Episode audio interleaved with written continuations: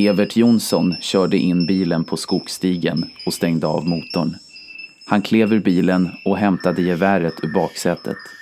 Han kontrollerade för säkerhets skull att han hade med sig kompass, karta och fickpluntan när han började gå in i skogen. Det första man tänker på när man säger Öland är kanske inte skog. Men Mittlandsskogen går rakt igenom ön för att sedan fortsätta på fastlandet. Visserligen var det inte jaktsäsong, men sådana bagateller hade Evert aldrig brytt sig om. Var han inte en hedlig skattebetalare som aldrig hade brutit mot någon lag? Ja, visserligen hade han kört för fort och inte heller varit helt nykter. Men han hade aldrig gjort sig skyldig till något allvarligare. Han var inte som de företagsledare som tog mutor och sedan gav sig själva skyhöga bonusar eller politikerna som åkte på lyxsemester på skattebetalarnas pengar. Nej, han var en hederlig 49-årig industriarbetare och månskensbonde som aldrig hade gjort en fluga för när. Han låste bilen av gammal vana, även om det antagligen var onödigt. Sedan började han gå längs stigen. Det han tyckte var bäst med jakten var den fridfulla stämningen som kom över honom så fort han kom ut i skogen. Att kunna utöka skafferiet med hare eller rådjur var för honom bara en bonus. På det här sättet gick han och funderade på just ingenting. Han hade gått den här vägen så pass många gånger att han kunde den praktiskt taget utan till. Plötsligt vaknade han upp ur sina tankar. Borde han inte vara framme vid det gamla älgtornet vid det här laget? Han såg sig omkring och kände inte igen sig. Han fick en irriterad rynka mellan ögonen och skakade på huvudet. Han måste ha tagit av in på en sidostig. Han behövde bara gå tillbaka och hålla ögonen öppna så skulle han säkert komma rätt igen. Solen stod fortfarande högt på himlen, så det var ingen fara med tiden. När det hade gått några minuter hörde han plötsligt ett passande ljud från skogen. Han stannade till och spanade för att se vad som kunde ha orsakat ljudet. Plötsligt hoppade det fram ett rådjurskid på stigen framför honom. Han lyfte geväret för att skjuta, men han kom av sig för det var något med rådjurskiddets blick som inte kändes rätt. Dess naturliga reaktion borde ha varit att springa ifrån honom, men kiddet stod kvar en lång stund och betraktade honom. Dess blick var ovanligt intelligent. I fyra, fem sekunder stod Evert som förtrollad innan han lyckades samla sig för att lyfta geväret och skjuta. Men då var rådjuret borta. Han svor till och sprang in i skogen där kiddet hade försvunnit. Efter en liten stund måste han stanna för att hämta andan. Han flåsade tungt och tog ett par rejäla klunkar ur pluntan. Men han var inte orolig. Det hade blivit ett tydligt spår av avbrutna grenar efter honom under jakten. Så det var bara att gå tillbaka samma väg som han hade kommit för att hitta tillbaka till stigen. Plötsligt hörde han ett annat ljud. Det lät som röster. Som två eller kanske flera barn som pratade. Något som var mycket förvånande eftersom han inte hade sett någon annan bil vid stigens början. Det han borde göra nu är att gå tillbaka till stigen så han skulle hitta rätt till älgtornet. Men nyfikenheten hade blivit för stor och istället ropade han Hallå! Han väntade en liten stund men fick inget svar. En liten bit till inne i skogen kan jag väl fortsätta, tänkte han för sig själv. Efter en liten stund så blev skogen glesare och gick från att bestå av uteslutande tall till att lättas upp av lövträd som ask och björk. Efter ytterligare en liten stund så blev det som en naturlig stig där han kunde gå utan att behöva tränga sig igenom grenverket. Men nu hade det börjat skymma. Evert förstod att han snart måste gå tillbaka till bilen innan det skulle bli alldeles för mörkt för att överhuvudtaget kunna hitta någonstans i skogen. Jakten fick han ge upp men det var ingen större förlust. Han kunde ju komma tillbaka och fortsätta igen dagen därpå. Hitta tillbaka skulle nog inte vara något större problem. Om han bara gick tillbaka i samma riktning som han kom så skulle han nog snart höra ljuden från landsvägen och kunna navigera sig. Det var ju inte direkt någon stor skog, så om han inte hittade vägen så skulle han säkert komma till någon bebyggelse eller Kalmarsund och därifrån kunna navigera rätt. Precis när han hade beslutat sig för att ta sig tillbaka till bilen hörde han barnrösterna igen. Det kändes som de drog i honom och att han skulle fortsätta på stigen. Under ett kort ögonblick drabbades han av en paralyserande skräck som han inte visste var den kunde komma ifrån. Det kändes som att han var styrd av osynliga trådar som drog i honom framåt längs stigen. Känslan försvann nästan omedelbart och ersattes av känslan av lugn och frid. När han passerade en krök på stigen fick han syn på rådjurskiddet igen. Det stod nu precis framför honom och tittade på honom med sin intensiva blick i en liten stund. Kiddet vände sig om och fortsatte mot ett stort hål som såg ut att vara grävt mitt på stigen. Det var fullständigt runt och kanske en och en halv meter i diameter. Kiddet fortsatte helt obekymrat och stannade inte vid hålets kant utan fortsatte gå och föll rakt ner i det. Det dröjde nästan två sekunder innan det hördes en köttig duns innan den lilla kroppen träffade botten. Med någon liten del av sitt medvetande förstod Evert att han borde bli skräckslagen, men ändå fortsatte han fram mot hålet och igen hörde han barnrösterna som nu lät närmast uppfordrande. Det dröjde länge innan någon började sakna Evert Jonsson. Anmälan om hans försvinnande lämnades in en månad senare av hans dotter. Hon hade blivit orolig när Evert inte hade hört av sig för att bestämma en tid när hon och hennes familj kunde komma och bo över i lillstugan som han hade. Ett par dagar senare hittades hans bil, men det var också det sista spåret av honom och fallet lades ner kort därpå.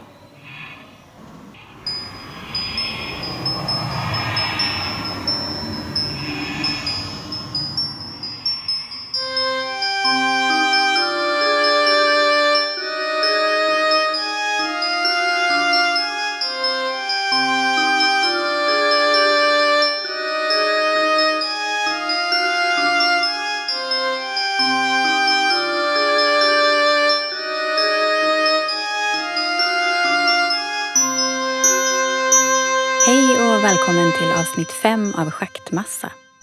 Vi hörde precis Rickard Grönberg läsa Jakob Larssons historiett Jaktdagen. Och historietter är också temat för det här avsnittet.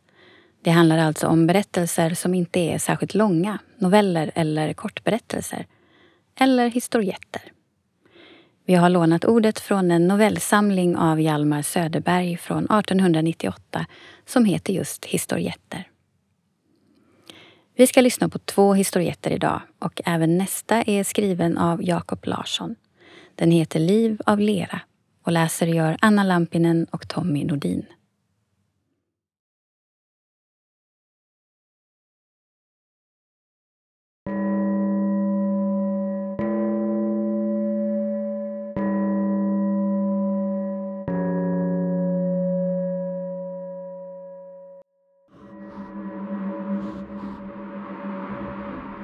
En av de få patienter som jag har träffat utanför min profession som psykiatriker är Henrik Svensson.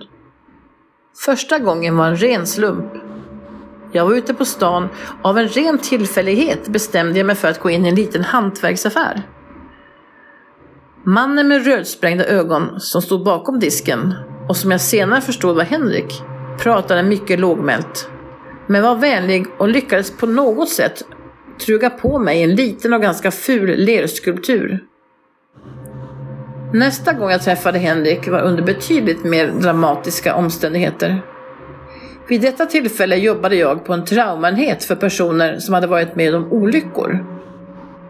Henrik var visserligen virrig efter det slag i huvudet han hade fått, men det var nog snarare den historia som han berättade som var anledningen till att han kom till mig. Brandmännen som hade räddat honom kunde helt enkelt inte tro att den var sann. Henrik Svensson låg tyst i sjukhussängen innan han började berätta.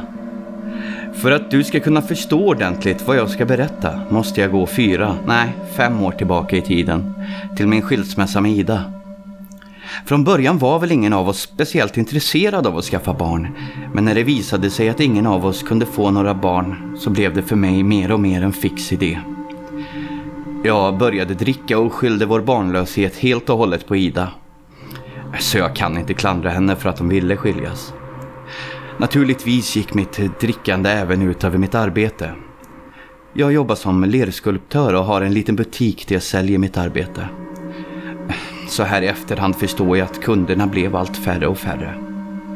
En dag för, hmm, två år sedan måste det ha varit, när jag som vanligt vaknade bakfull och märkte att klockan redan hade passerat två, så var det som ett skynke hade dragits från mina ögon. Förlåt för det fåniga uttrycket, men det var precis så det kändes. Jag kunde se vad jag hade blivit och tyckte inte alls om det.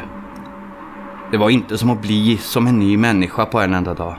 Det var början på en lång och plågsam process. Det första steget var att leta upp den lokala AA-föreningens lokal och börja gå på deras möten. Det var också här jag träffade Gustav för första gången. Till synes kanske det inte verkade som om vi hade något gemensamt. Han hade jobbat som rörmokare fram till för något år sedan då han hade blivit avskedad på grund av sina alkoholproblem. Men hur som helst blev vi i alla fall vänner. Vi stöttade varandra och pratade om våra liv. Gustav var väl 20-25 år äldre än jag och hade aldrig varit gift. Men han hade samma längtan efter barn som jag också hade. En dag tog Gustav med mig hem. På hans vardagsrumsbord låg en mycket gammal läderinbunden bok. Öppna den! Läs den! Sa han med förväntansfull röst. Jag öppnade försiktigt boken och tittade på de första gulnade bladen. Jag kunde inte identifiera språket och då ska du veta att språk är något som alltid har intresserat mig. Inte bara det som talas idag, utan även utdöda språk såsom fornmesopotamiska. Bokstäverna i det här språket, eller vad det nu var, bestod bara av perfekt geometriska kvadrater, rektanglar, trianglar och cirklar. Va, vad är det här för någonting? Frågade jag Gustav. Det är språket från tidernas begynnelse. Ett språk som skapades när jorden fortfarande bara var en glödande klump av sten. Jaha. Och vad står det där då? Frågade jag. Vid det här laget misstänkte jag att det här var något slags skämt. Det är boken om livets början. En bok om hur man skapar liv ur död materia. Svarade han med en röst som började närma sig hysteri. Jaha, det var ju imponerande, sa jag och stängde igen boken. Inte alls lika försiktigt som när jag hade öppnat den. Vänta, sa Gustav i betydligt lugnare tonfall än han hade haft nyss. Du kanske tror att jag är knäpp, men om du bara ger mig ett par dagar så ska jag visa för dig att jag inte är det. Sedan började han undervisa mig i det uråldriga språket. Som jag sagt tidigare så gillar jag språk och har lätt för det. Men det tog mig mer än ett par dagar att förstå mig på dess förvånande komplexitet.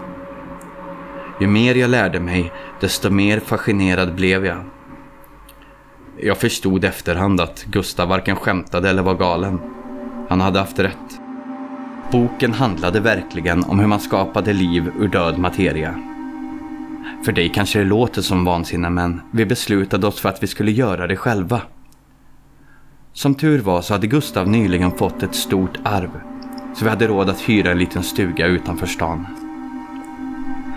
Eftersom lera är det material jag valt att arbeta i så beslutade vi oss för att det var det material som vårt barn skulle vara gjort av. Jag blev som uppslukad av arbetet. Om dagarna arbetade jag i butiken. Affärerna gick något bättre men det brydde jag mig inte om. På kvällarna åkte jag ut till stugan och jobbade hela nätterna på barnet. Jag slutade nästan att äta och sova. Mitt nattliga arbete blev allt för mig. Jag kallar skapelsen för ett barn. Men när jag var färdig så var den nästan två meter lång. Hade armar och ben, fingrar och tår och fullkomligt mänskliga anletsdrag. Mitt bästa arbete någonsin. Så igår natt bestämde vi oss för att fullända det hela genom att ge det liv. Vi hade lagt det på sovrumsgolvet. Vi hade tänt ljus runt barnet och Gustav stod bakom barnets huvud och talade på det uråldriga språket. Jag vet inte hur länge han talade, för jag var helt uppslukad av situationens stora lycka och allvar. Men när han hade slutat att tala så plockade han upp en kniv som låg bredvid honom. Med en min av lycksalighet tog han och skar upp sina handleder och lät blodet rinna ner på barnets ansikte. Sedan föll han ihop mot väggen. Jag stod bara och stirrade. Jag hade inte haft en aning om att det var på detta sätt som ritualen var menad att sluta. Efter en minut, eller det kan lika gärna ha varit en timme, började barnet röra på sig. Först sakta, som om det inte visste hur det skulle göra. Efter ytterligare okänd tid reste det sig upp och jag kände hur det tittade på mig. Munnen som jag hade skulpterat som stängd öppnade sig med ett ljud som när man tappar en tallrik i golvet och den går i kras. Den släppte ifrån sig ett vrål som innehöll så mycket glädje, så mycket sorg, fyllt av smärta och samtidigt en fullständig lycka. Själva kraften i vrålet fick ljusen att falla omkull och mig att kastas in i väggen, där jag slog i huvudet och förlorade medvetandet. Du får gärna tro att jag är galen. Men vi gjorde det verkligen, Gustav och jag. Vi skapade liv av lera.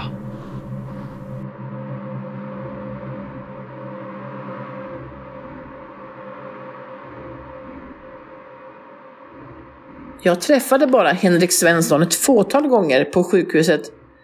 Han blev utskriven och då började han gå som psykolog. Men det gjorde han bara under drygt ett halvår. Psykologen berättade för mig att Henrik hade sagt att han blivit av med sina tvångstankar. Men hon misstänkte starkt att det var något han bara sa för att kunna sluta med terapin.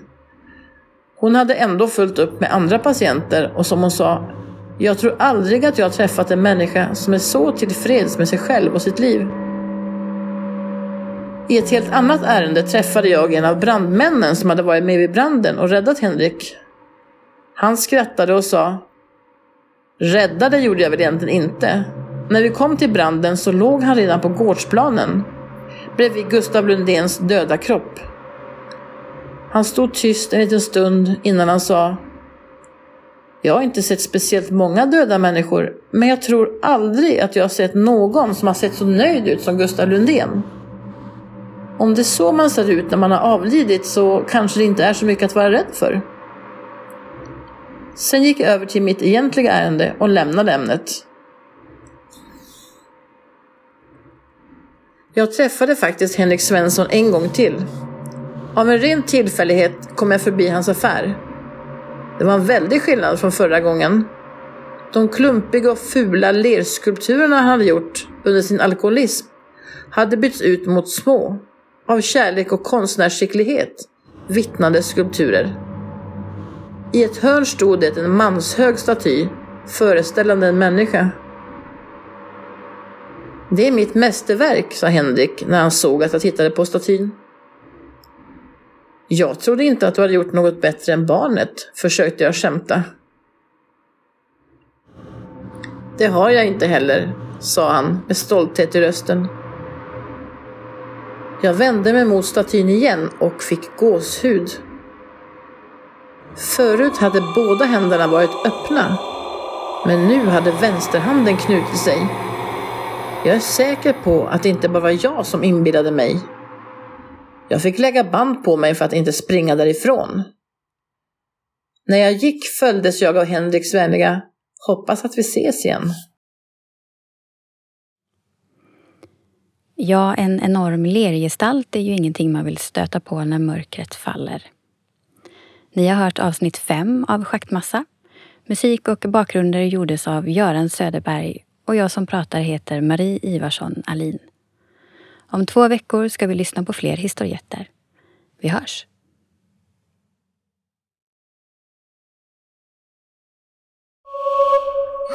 you